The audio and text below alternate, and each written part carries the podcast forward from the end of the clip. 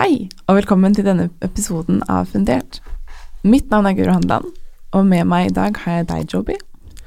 Ja, mitt navn er Joby, eller Joseph Benjamin. I dag skal vi snakke med Katarina Dreyer. Hun er rådgiver i Skaperkraft og aktuell med boken hashtag slavetech, A Snapshot of Slavery in a Digital Age, som hun har skrevet sammen med Kevin Bales. Kevin Bales er professor of modern slavery på Universitetet i Nottingham. Han definerer slaveri som en tilstand du ikke kan dra fra, fordi en annen person har kontroll over deg og din kropp. Selv om slaveri ble avskaffet i 1933, finnes det i dag 40,8 millioner slaver, ifølge Global Slavery Index. Og det koster mye mindre å ha slaver nå enn før avskaffelsen i 1933. Det synes vi i Fundert at det bør snakkes høyere om. Vet Norges befolkning at slaveri er utbredt også her? Hvordan foregår menneskehandel i vår digitaliserte verden? Og kan teknologien vi utviklet være løsningen for å få slutt på menneskehandel og slaveri?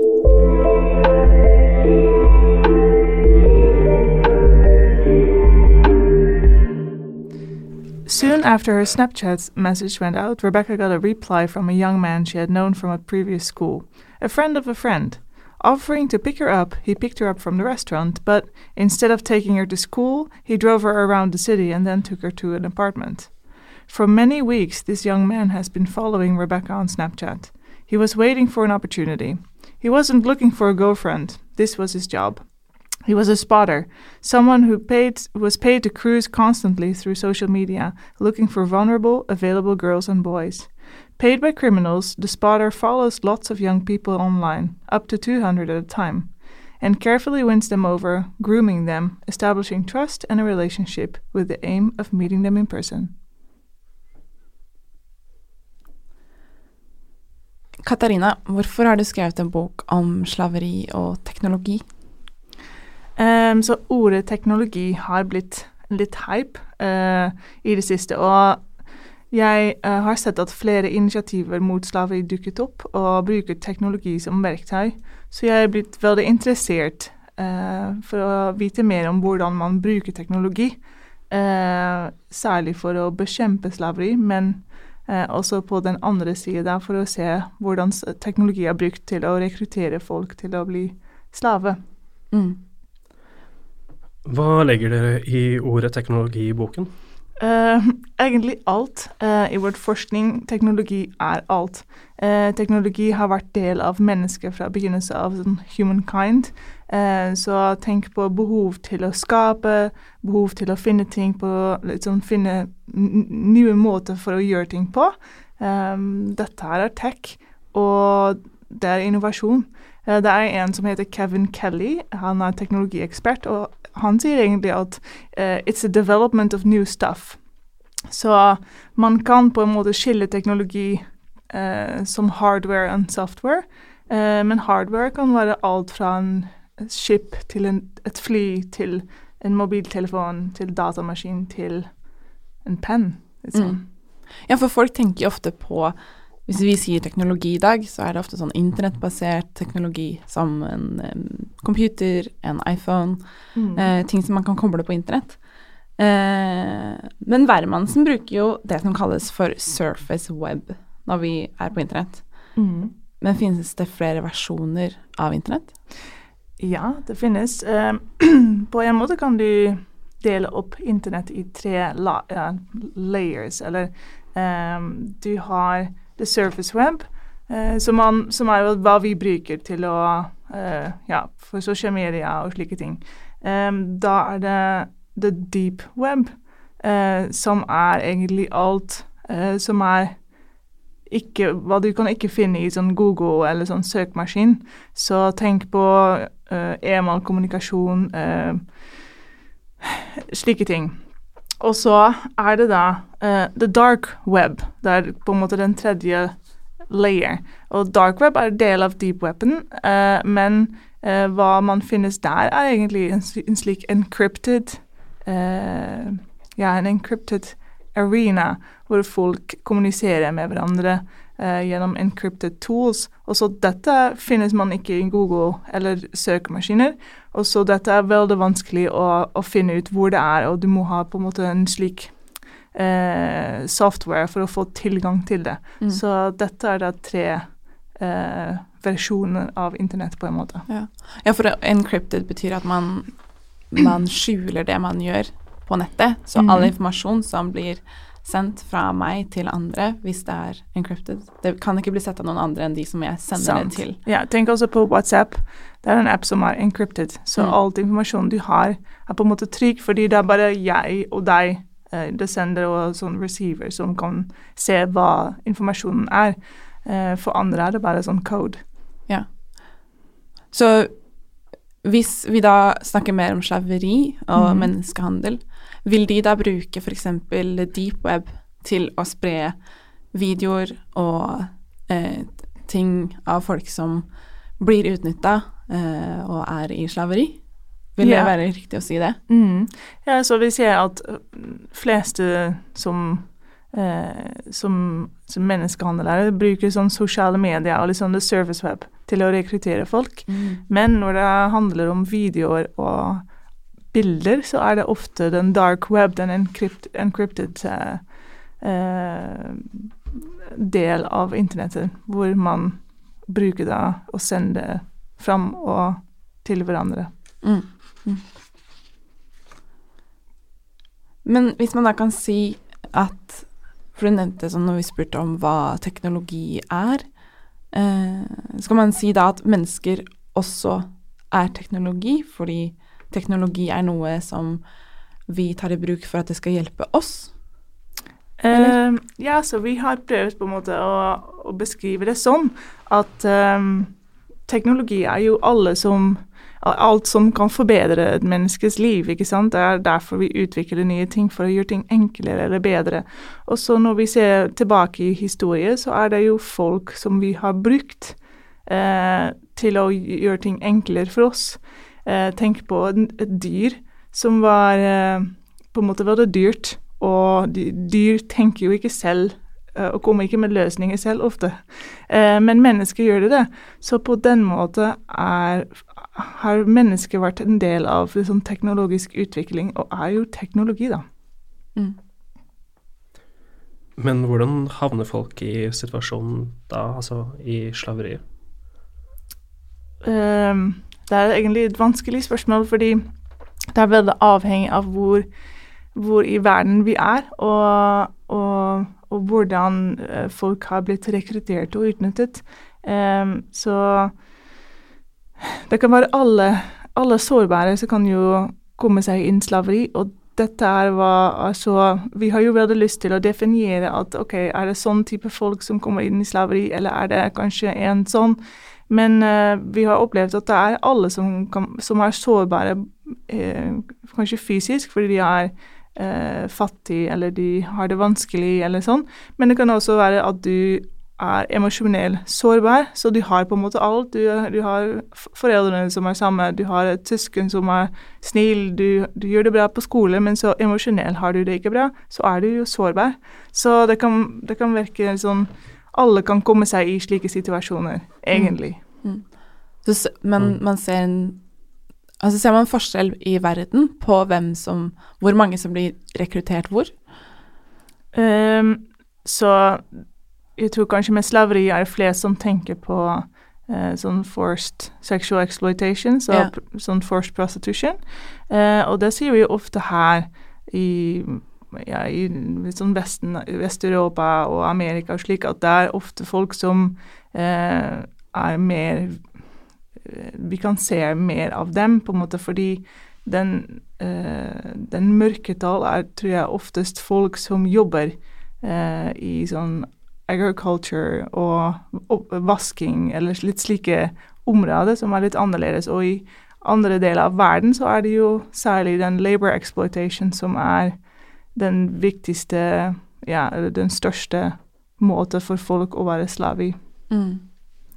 Hvordan blir de rekruttert da inn i, inn i slaveri? Så jeg tror i, den, i andre deler av verden så er det ofte et system av slaveri som er på plass. Så tenk på Eh, F.eks. sånn brick kilns, hvor de lager eh, stein til å bygge hus, f.eks. Der er det jo ofte eh, familier som, som har gjeld hos en arbeidsgiver, og det er et system av slaveri hvor de kommer seg alltid al sånn aldri ut av den gjeld. Så de må, de må jo arbeide og jobbe hele tida. Og så når far f.eks. dør, så får sønnen den gjeld. Eh, så du, du, og familien din kommer deg aldri ut. Eh, og det er jo et system av slaveri som er veldig annerledes enn at vi finner her. Mm. For, ja, for her er det Altså, kunne jeg blitt rekruttert inn i slaveri? Altså, hva, hva skal til, da, for at et menneske havner i den situasjonen? Ja, så det er på en måte sånn seks eh, steg som vi kan beskrive litt sånn, som prosess. Det er ikke alltid at det, at det, at det gjør sånn, men eh, det er, har ofte vært sånn typisk eh, rekke vi kan gå gjennom. Så det første er jo at du må, ha, du må være sårbar, eller du må Ja, du må ha et sårbart eh, Du må ha det litt vanskelig, kanskje emosjonelt, eller du trenger en jobb eller penger, eller Ja, du trenger noe, kanskje. Så den andre steg på en måte er den, den recruitment, så du du blir jo rekruttert av en som, som, ser at du er sårbar, og ser kanskje at du trenger jobb, eller ser at du trenger kjærlighet, så kan, det, kan den De som har lyst til å utnytte folk, eller eh, de, de, ser du, ja, de er veldig sånn spesialist på det. Eh, og så de eh, kan da recruit, eller sånn De folka som har det vanskelig. den tredje er jo den eh, å fjerne den potensielle slava fra hjemmet sitt. Og da blir det jo trafficking, fordi da er de sånn coerced og eh, har blitt tatt, på en måte. Så, så, det kan hende at det er frivillig at en vil være med, fordi de har jo blitt lovt å ha et fint arbeid i Europa eller noe annet. Men det kan også hende at eh, det er ufrivillig. Og så um, er dette her da trafficking, så de kommer seg på et annet sted. Og så Fjerde er den, den transportation, eller uh, transportering. Um, og så det er der ofte uh, den utnytting begynner. Så det, når de er vekk fra hjemmet sitt, så da begynner de til å De menneskehandlerne, de prøver å e, etablere en type kontroll. De vil være sikre at du forstår at du kan ikke vekk. fordi det er jo hovedpoenget med slaveri, er at du har ikke lov til å dra. Mm. Du sitter fast, uh, og du kan ikke på et annet sted. Du kan ikke vekk. Du er en slave. Um, og så da er det den femte som uh, egentlig sånn establishment of control, så de prøver å bevise litt sånn at de uh, er den de må høre på, og ja. Sånn. Mm. Og så da begynner den sekste steget, da, den exploitation, så utnyttelse begynner. Og da kan du tenke på at uh, folk er i forskjellige situasjoner. Og ja, det, da er du en slave. Så exploitation, det, det blir på en måte hvis jeg uh, er i slaveri som bilvasker, ja. så blir jeg utnytta, og jeg må jobbe, jobbe lang, lange timer. Mm. Mye mer enn det jeg har egentlig kapasitet til ja. uh, og styrke til. Ja. mens hvis jeg er um, sexslave, så vil det være mye lagt ut på internettet mye bruk ja. av meg som person. Ja, absolutt. Ja, og ofte i andre land f.eks. er det jo ofte kvinner som uh, er utnyttet med, i arbeidsområdet, men de er uh, i tillegg ofte også utnyttet seksuelt. Så. Mm. Har det vært en utvikling i exploitation i dag i forhold til tidligere slaveri? Uh, ja, du kan tenke deg at uh, det er Kevin Bale som har gjort mye forskning på dette her. Uh, og han sier jo at slaver har blitt mye billigere enn før.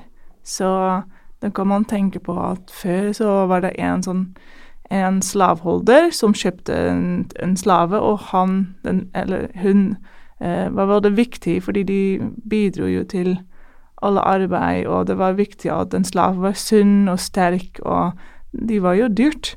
Eh, men nå pga. globalisering og at vi har mye mer folk og tilgang til internett og eh, liksom forskjellige grunner, så har vi jo har den økonomisk slavesystem på en måte gått ned veldig mye, så slaver er veldig billig. Og Kevin Bill snakker om at folk er disposable. Så er en slave ikke sunn lenger, så kaster du bare dem. Ikke sant? Så tar du en ny. Så den, det er en stor endring.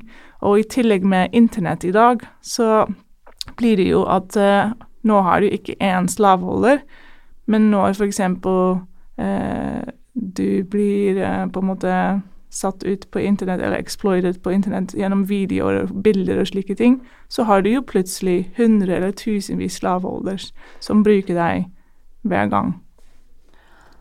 Så hvordan forholder slaveholderne seg til slavene sine? Altså hvorfor tar man slaver? Eh, er det bare pga. pengene, eller hvordan Ja.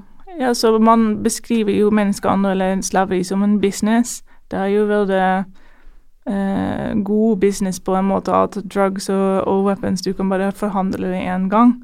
Eh, eller weapons du kan gjøre det flere ganger, men særlig med drugs så er det så er det sånn narkotika, så er det bare én gang du kan forhandle det, og så er det borte. Men folk, du kan jo forhandle hver gang, hele tida.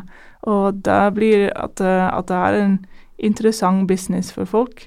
Eh, men jeg tror når du snakker om menneskehandelærer, hvem gjør det, så, så, så, tror jeg egentlig at det er jo ofte folk som er sårbare selv, og så har funnet en gruppe kanskje de vil være med i, eller uh, ja, hurt people hurt people, ikke sant? Så jeg tror at de ofte har også uh, gått gjennom ting som uh, er helt forferdelige, og så kommer de seg i slike situasjoner eller grupper som fungerer som en kriminell gruppe. Mm. Så ja. Mm. Men hvorfor går det så bra for menneskehandlerne?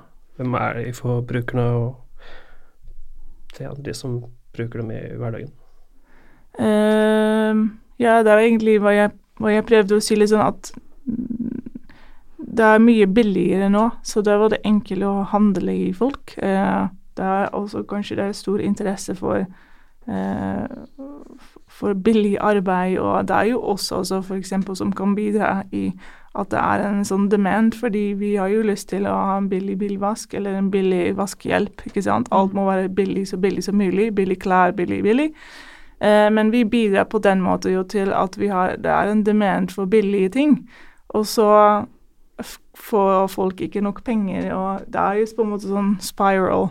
Eh, de kaller det en race to the bottom. Mm. De prøver å være billig som mulig, og eh, de som betaler for det, så er det jo de som jobber eller er slave. Ja, så i det at jeg som forbruker ønsker at ting skal være kjempebillig, så en konsekvens av det er at flere blir slaver? Det kan uh, Ja, det er vanskelig å si at det er en konsekvens av det, men mm. uh, på en måte bidrar vi jo ikke med at uh, at de skal ha det bedre, fordi når det er sånn demens, så, så blir det jo Ja, så, så, skal de jo utvikle det billigere og billigere. Så det er på en måte interessant å tenke på hva kan vi gjøre eh, for å gjøre det bedre for dem på den liksom on the bottom of the supply chain, da. Mm. Ja, for hvis, hvis all slaveri opphører i dag, mm. hva ville skjedd da? Jeg tror at det blir eh, helt katastrofe på en måte for økonomien. Fordi tenk på alt vi har eh, som er laget av slaver. Eh, datamaskin, telefon, eh, kanskje papir, som eh, blir eh, tatt fra sånn force, og slaver blir blitt brukt for å gjøre det. Liksom nesten alt vi har rundt om oss, uh, has been touched by a slave. Så jeg kan tenke meg at det er helt krise for verden om alle slaveri stopper på den måten at økonomien uh, for, Ja, de skal føle det. Mm. Men Katarina, har noen blitt dømt for slaveri i Norge i dag? Eh, det har vært flere som var dømt. Eh, en interessant sak var da en, en sak som handlet om cybercrime. Eh, det var en sak i Bergen som vi beskriver også i boka. han ble dømt fordi han handlet eh, i barn på nett, så han utnyttet barn på nett. Han hadde en eh, type eh, ja, arbeidsrelasjon med noe i Filippinene. Og så eh, lagde de filmer hvor disse barn var eh, seksuelt utnyttet. Så samlet han disse filmer og liksom spredde dem i Norge og kanskje andre steder, det vet jeg ikke. Men, eh, men han eh, Ja, han var dømt for grov menneskehandel. Og grunnen til at det er grov menneskehandel, er fordi det var barn under 18 år. Og det er egentlig en, en sånn trend vi ser i dag, at den, den handling i Eller sånn utveksling av bilder og filmer av barn som, utnytt, som er utnyttet seksuelt, er jo økende. Og, og de, barn blir yngre og yngre. Eh, så det er en veldig trist eh, eh, trend som vi ser nå. Så det er på en måte veldig bra at den norske myndigheter eller law enforcement har eh, har sett at, at, det var menneskehandel, at det var slaveri, eh, og at han ble dømt for det. Fordi i verden er det ikke veldig vanlig at folk inkluderer eller tenker på menneskehandel når det skjer slike ting. Det er ofte sånn utnyttelse eller kanskje child exploitation, eh, men det er faktisk også den type menneskehandel. Så det har vært veldig sånn good practice av Norge at de fikk det til. Eh, til å tenke sånn. Så det, så det trenger vi mer av i, i verden. Og ja. Men hvis barna var på Filippinene, mm -hmm. og han var i Bergen. Ja. Hvordan dømmer man det? Så du trenger da internasjonalt samarbeid for å jobbe med bevis og, og, slike ting. Så det er veldig vanskelig, som jeg har forstått det. Jeg var jo ikke del av den forskning, men um, som jeg har forstått det i et intervju med en etterforsker, så var det utfordrende å jobbe sammen. Uh, og i tillegg um, er det jo andre typer lovverk og andre typer protokoller man har signert. Her var det noen det samme. Eh, men så ja, må han bli dømt i Norge, eh, selv om at han har utnyttet barn i Filippinene. Men det er på grunn av at han tatt opp bildene og, og slike ting, at de hadde bevis. Mm. Og dette er en problem med sånn livestream, sånn utvikling av teknologi. I dag har vi jo Facebook Live, ikke sant. Vi har Skype, FaceTime. Eh, og dette er bare sånn snapshot av eh, en, en, samtale, og når vi legger på, så er det, er det borte. Altså lagres det ingen steder, liksom. Ikke sant. Mm. Så da er mm. bevis borte. Eh, men med utnyttelse av barn og, og, slik, så er det ofte målet for å ta det opp og sende det videre. Så det kan hende at vi har jo masse bevis her i Norge og andre steder hvor vi bare ikke vet om det, men, men det er jo en økning i det, så jeg har tro på at det er flere i, i, i Norge, men i andre land det er kanskje mange som eh, har slike bevis hjem. Eh, og de trenger ikke å ta et fly til et annet land. Eh, teknologi sånn It crosses borders, it crosses uh, cultures.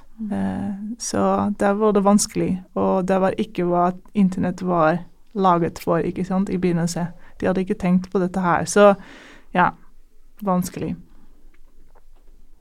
Ja, I boken så har de også skrevet en måte hvor man kan ta og følge opp litt grann den uh, supply chainen. Har du lyst til å si litt uh, mer om det? Ja, så det er noen Så vi har prøvd å utforske litt hva slags teknologi man bruker i dag for å eh, hjelpe til at en f.eks. supply chain er litt mer eh, ryddet opp, og, og, at det blir mer, mer tydelig hva som skjer i den supply chain, eh, så at vi kan være opptatt av ja, folk som jobber eller er slave der. Um, så det er f.eks. uh, ny teknologi som man bruker, som heter blockchain. Um, dette er en type software eller system på en måte så, som uh, Det er veldig teknisk, så kanskje jeg kan ikke gå helt inn i hva det er. Men, uh, men jeg kan beskrive hvordan man bruker det. Det er et system på en måte hvor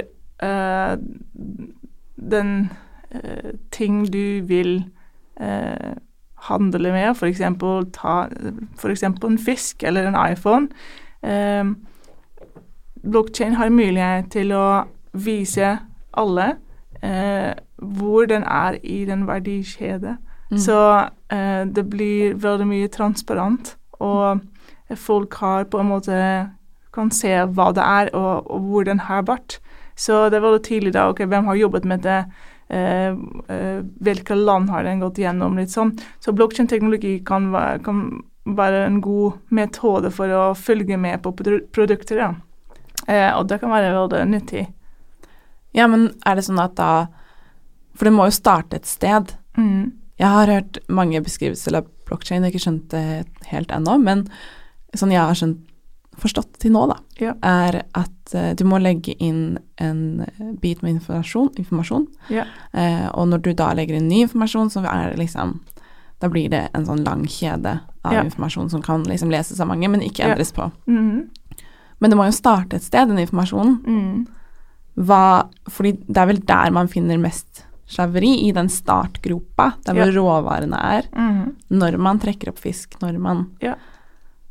Så i teorien, da, så Altså, hvordan skal det funke i praksis? Ja, så, Eh, det, sånn er- ja, så det er en tanke vi har, da, at uh, det kanskje skal ikke sånn funke helt 100% enda. Uh, Blokkjeden har jo stort potensial for å gjøre akkurat det du beskriver, men um, vi er jo fortsatt avhengig av folk som skal sette inn den informasjonen. Og den viktige med blokkjeden er at it's, it's unchangeable, uh, it's transparent, og det er jo flere sånn veldig gode eh, egenskaper som kan være veldig verdifullt. Men pga. at vi jobber fortsatt med mennesker, mennesker kan jo, bli corrupted, ikke sant. Så vi må være veldig sånn opptatt av hva, hva skjer eh, på den første steg når man setter inn informasjonen. Eh, fordi som du sier, det er der at slaveri ofte er. Eh, eller begynner, på en måte. Så, eh, så må det være folk til stede for å bruke den teknologi. Så eh, med blokkjede er det sånn argumentert at det er sånn trustless system, fordi du trenger ikke å ha tro på hverandre fordi teknologien gjør, gjør på en måte alt for deg. Eh, men så når vi legger inn informasjon selv, så går det ikke opp, da. Ja, for du trenger Jeg har hørt beskrivelse av blokkjede som en sånn type eh, utveksling av informasjon hvor man ikke trenger en tredjepart. Sånn typ, -hmm. hvis jeg skal sende Spesielt bitcoins, da. Yeah. Hvis jeg skal sende penger til en person, Mhm. så vil jeg ikke behøve banken min til å sende den pengene. Yeah. Men jeg kan sende de pengene rett til personen personen fordi det blir sendt med bitcoins, da, og all informasjon om det er transparent. Vil det da si, hvis ikke liksom en supply chain i en blockchain ikke kan fungere helt, at vi trenger et lovverk, altså en tredjepart som holder enda mer og har enda strengere regler? Um, ja, det kan godt hende. Om jeg kan kanskje veldig fort forklare hva blokkjede er. Ja. Om du bare tenker sånn veldig enkelt. Så uh, det har blitt utviklet for bitcoin, the digital currency. Uh, og så han eller hun eller den gruppe som har utviklet det, vi vet ikke hvem de er. Eh, det var på en måte en respons til det sånn economic crash i 2008. Og så har de på en måte lagret struktur hvor du ikke trenger den tredje personen. For de var, så, de var alle så skuffet i banker og i korrupsjon og alle disse store organisasjoner som har mye ansvar, men som kan på en måte utnytte oss på en måte. da. Eh, så de har prøvd å lage en type struktur hvor du ikke trenger den store organisasjonen. Så du trenger ikke Amazon eller en bank eller IB, fordi nå skal vi handle, vi skal på en måte handle vi samme Mm. igjen, som vi hadde det før.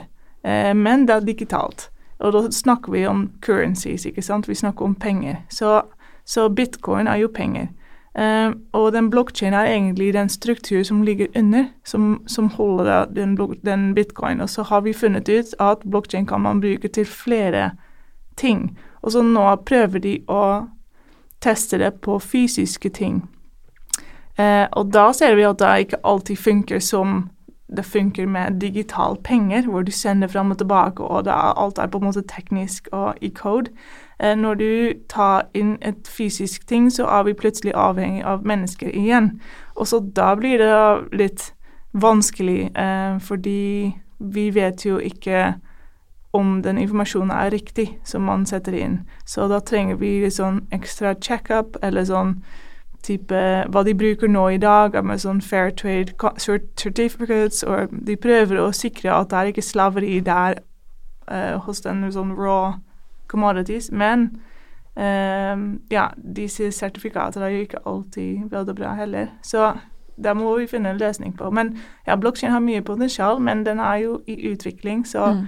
i dag har jeg, som jeg vet om, da, ikke funnet en løsning for dette problemet. Så om det kan gjøre noe for slaveri, kanskje i framtida det, kan- det, kan- det kan gi mer transparense, eh, men det kan ikke løse den bitte lite problem som er egentlig veldig viktig, da. Mm. Nei, men hva, hva finnes i dag, da? Hva slags metoder er det som finnes? Uh, er det lovverk som holder ting på plass? Er det Ja, så når, du, når vi snakker om verdikjede, sånn verdikjede, så er det flere lovverker på plass, ikke i alle land. Det er særlig sånn California, England og Australia som har utviklet The Modern Slavery Act, og de vil jo at bedrifter tar litt mer ansvar for å sjekke verdikjeden, så at de kan på en måte gjøre noe med det selv, for de ofte vet de jo ikke at det er slaveri der eh, særlig helt, helt deep i den verdikjeden. Det er jo nesten umulig å vite hva som skjer hele tida. Eh, så de prøver å hjelpe bedrifter til å ta litt mer ansvar. Da. Så folk har jo kritisert den lovverk litt, fordi det gjør jo ikke så mye på en måte. Men på den andre siden kan du tenke at dette er begynnelse. Så nå kan vi begynne med det, og så kan vi utvikle det videre og videre. Så jobber de i dag også med en slik lovverk for Norge. Så det blir veldig spennende å se om den kommer eh, til Stortinget. Og ja.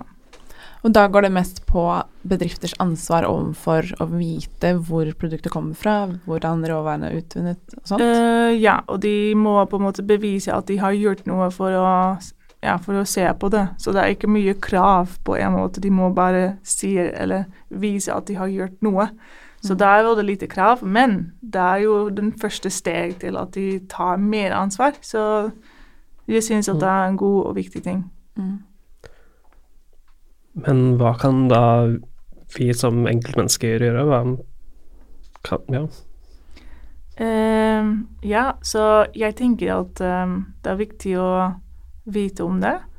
Uh, at du er bevisst om det, og det er en fin nettside som uh, vi beskriver litt i boka også. The Slavery Footprint, som kan gi deg liksom beskjed om hva, hvor mange slaver jobber for deg. Og det har hjulpet meg veldig mye for å finne ut ok, i alle disse produkter er det jo slaveri. Så det, når du er litt bevisst på det, så gjør du jo andre valg. Eh, og jeg eh, tenker ok, vi har jo på en måte Vi er ikke skyld, skyldige, eh, fordi vi er jo ikke de mennesker som har slaver, men vi kan jo ta ansvar for hva vi kjøper og hvordan vi forholder oss til businesses og produkter. Så å gjøre sånn gode valg tror jeg at det kan være en god begynnelse av å gjøre noe. Mm. Og så finnes det jo også mange organisasjoner som jobber mot slaveri i dag. Ja. Eh, F.eks. Hope for Justice eller A21.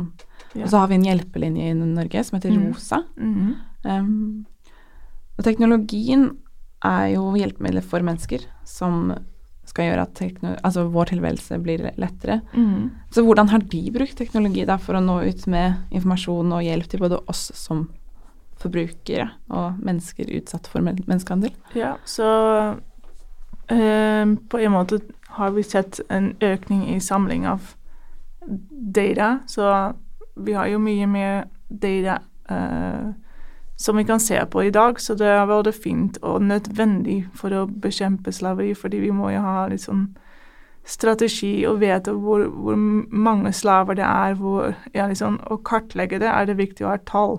Så på den måten har teknologi hjulpet mye til å finne ta på tall og, og gjøre ting eh, på plass, og at vi har mer, mer kunnskap. Så det er Mm. veldig viktig.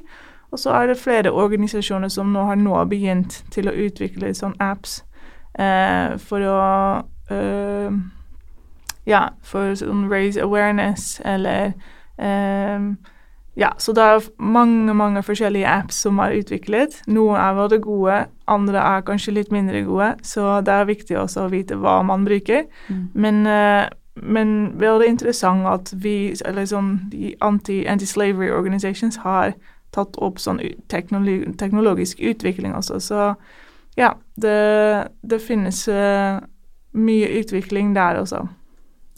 Er det behov for mer utvikling også, kanskje, for å få Jeg tror at det er veldig stor behov til uh, samarbeid. Uh, Mm. Fordi jeg tenker ja, de som jobber mot slaveri, de er jo ikke ofte technologists, ikke sant. Så for dem å utvikle teknologi og bruke det er veldig vanskelig, og kanskje ikke så lurt. Uh, men med slik samarbeid med andre sånn cross sectors og an, sånn technologists og andre organisasjoner som jobber med tech, så kan det være veldig interessant å komme med løsninger sammen. Så jeg tror at er- har nødt til å samarbeide mye mer eh, for å komme med gode, sånn, gode tech som kan hjelpe og eh, kan virkelig gjøre noe eh, for de som eh, er slave i dag. Ja. Men hvem er det man snakker med da for å utvikle noe som faktisk fungerer? Hun nevnte annet at det finnes mange apper, men det er ikke alle som er like gode og Mm. Altså vi, for, for en bokprosjekt har vi samarbeidet med eh, en organisasjon som har eh, survivors of slavery, som har ansatt. De er software developers, så de har kun, god kunnskap om tech. Og, og i tillegg er de jo ekspert på sitt område, fordi de har gjort slave selv. Så vi har spurt dem for å evaluere noen apps som er der, eh, som man kan downloade det, det, og, og bruke på en måte.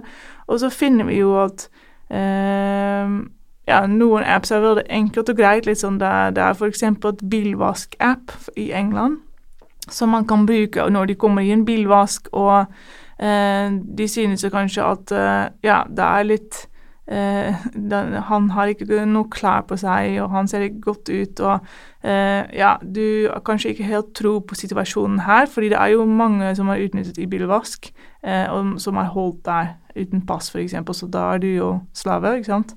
Um, så du kan på en måte ja, har en liten sjekkliste i en app, og så kan du ringe en hjelpelinje som tar det videre for deg. Så du bare på en måte ser hva du, hva du ser, og så skal de sjekke det for deg.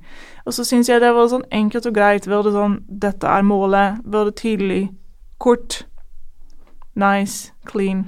Men så er det også flere apps som har masse informasjon, vil samle masse informasjon, eh, og så blir det litt sånn Ja, jeg vet ikke helt om dette er så bra, fordi uh, på en måte ja, setter, setter du som, som app, eller de som har utviklet en app, du setter deg mellom politiet og f.eks. en som vil si fra noe om, om en situasjon som er ikke helt bra, f.eks. For fordi den app spør da for f.eks. å samle inn informasjon om en situasjon hvor slaveri kan være inni. Så liksom, det er noen app som har ikke helt riktig informasjon. Og eh, ja, det er viktig at vi har jo riktig informasjon når vi bruker det som awareness raising, f.eks. Mm. Så det har vært veldig interessant å høre fra dem som har faktisk vært slave, Mm. men også har den tech-kunnskap eh, om hva de tenkte på. Og, og det har vi ja, jobbet litt med, så det har vært veldig interessant. Mm. Så at man hører heller på slaven selv, istedenfor å tenke ut hva er det de trenger ut fra Ja. måte det vi har opplevd, men heller finne behov blant de som har vært utsatt. da. Ja, jeg tenker litt sånn de, de, de som har overlevd, har jo masse kunnskap om hvordan de har blitt rekruttert, hvordan det var å være slave, men de har jo gode ideer om løsninger. Eh, og de har lyst ofte til å utvikle seg og komme tilbake i samfunnet. Og jeg tror at det er veldig viktig stemme som er ofte ikke inkludert i sånn eh, policymaking og tech-utvikling og liksom alt vi gjør til å, å bekjempe slaveri. Så jeg tror veldig mye på å Uh, inkludere stemmer av overlevende for å utvikle nye løsninger. Det er kanskje en av de viktigste tingene, syns jeg, da.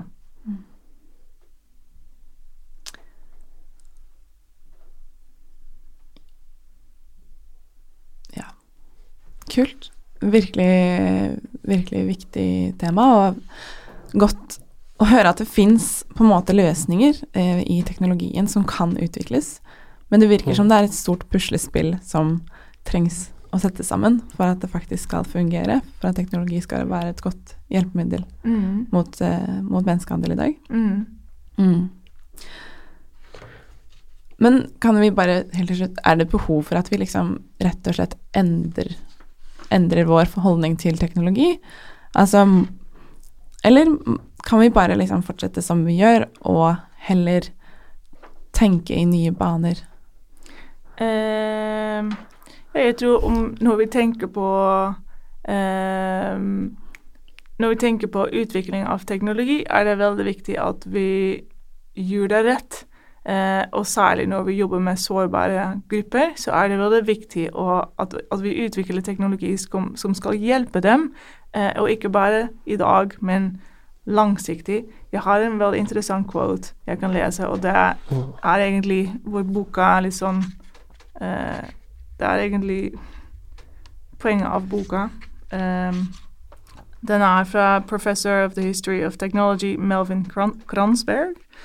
And he says uh, many of our, of our technology related problems arise because of the unforeseen consequences when apparently benign technologies are employed on a massive scale. Hence, many technical applications that seemed a boon to mankind when first introduced became threats when their use became widespread. Så du kan tenke på internett. da. Vi, vi utviklet det for eh, en liten gruppe eh, for å sikre kommunikasjon. Eh, og i dag er det jo en fantastisk utvikling, og det gjør så mye for oss. Men på den andre sida eh, er det jo et farlig verktøy hvis det er i, i hender av de som har, vil gjøre noe feil med det. Så den uh, professor sier også at technology is not good, it's not bad, it is not neutral either. Så det er veldig avhengig av hvem som bruker den type teknologi, eller hvem som har lyst til å utvikle teknologi, eh, som bestemmer på en måte måte hvor, hvor det blir brukt. Er det for det gode eller for det dårlige, på en måte. Så jeg syns det er veldig viktig å ha i hodet hele tida at vi skal jo hjelpe ofre, eller de som har, skal, kan være ofre. Eh, og at det er viktig å tenke veldig langsiktig. Hva gjør vi med datasamling? Hva gjør vi med privacy av dem som vi samler data fra? Eh, litt slike tanker er veldig viktig å ta med. Tusen takk, Katarina Dreyer. Eh, vi gleder oss til å lese boka di. Rebecca was held by the three men and not allowed to leave. Fortunately, perhaps Rebecca had realized something seemed wrong and had hidden her phone when she was being taken into the trap house.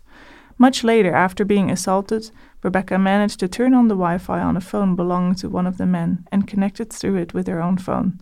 Through her pain, she sent her message, a desperate message Is anyone awake? and connected to her friend. Teknologi er altså vårt hjelpemiddel, og vi har mulighet til å bruke det som det. Men vi må vite hvordan vi skal bruke det for at det skal kunne ha effekt. 40,8 millioner mennesker lever i slaveri i dag. Teknologi kan, kan spille sin rolle og hjelpe oss med å sette 40,8 millioner mennesker fri fra et liv i fangenskap. Men ut ifra det vi har hørt fra Katarina Dreyer, krever det en global innsats med felles regelverk og retning. Teknologi kan ikke redde oss fra menneskehandel alene, men det har potensial til å være et stort hjelpemiddel. Fant du det du hørte om i denne episoden interessant? Gå og les boken til Katarina Dreyer og Kevin Bales. Hashtag slavetech, a snapshot of slavery in a digital age. Og hei! Fundert episode vet du aldri når kommer ut. Så følg Skaperkraft på sosiale medier, slik at du får med deg de nye episodene.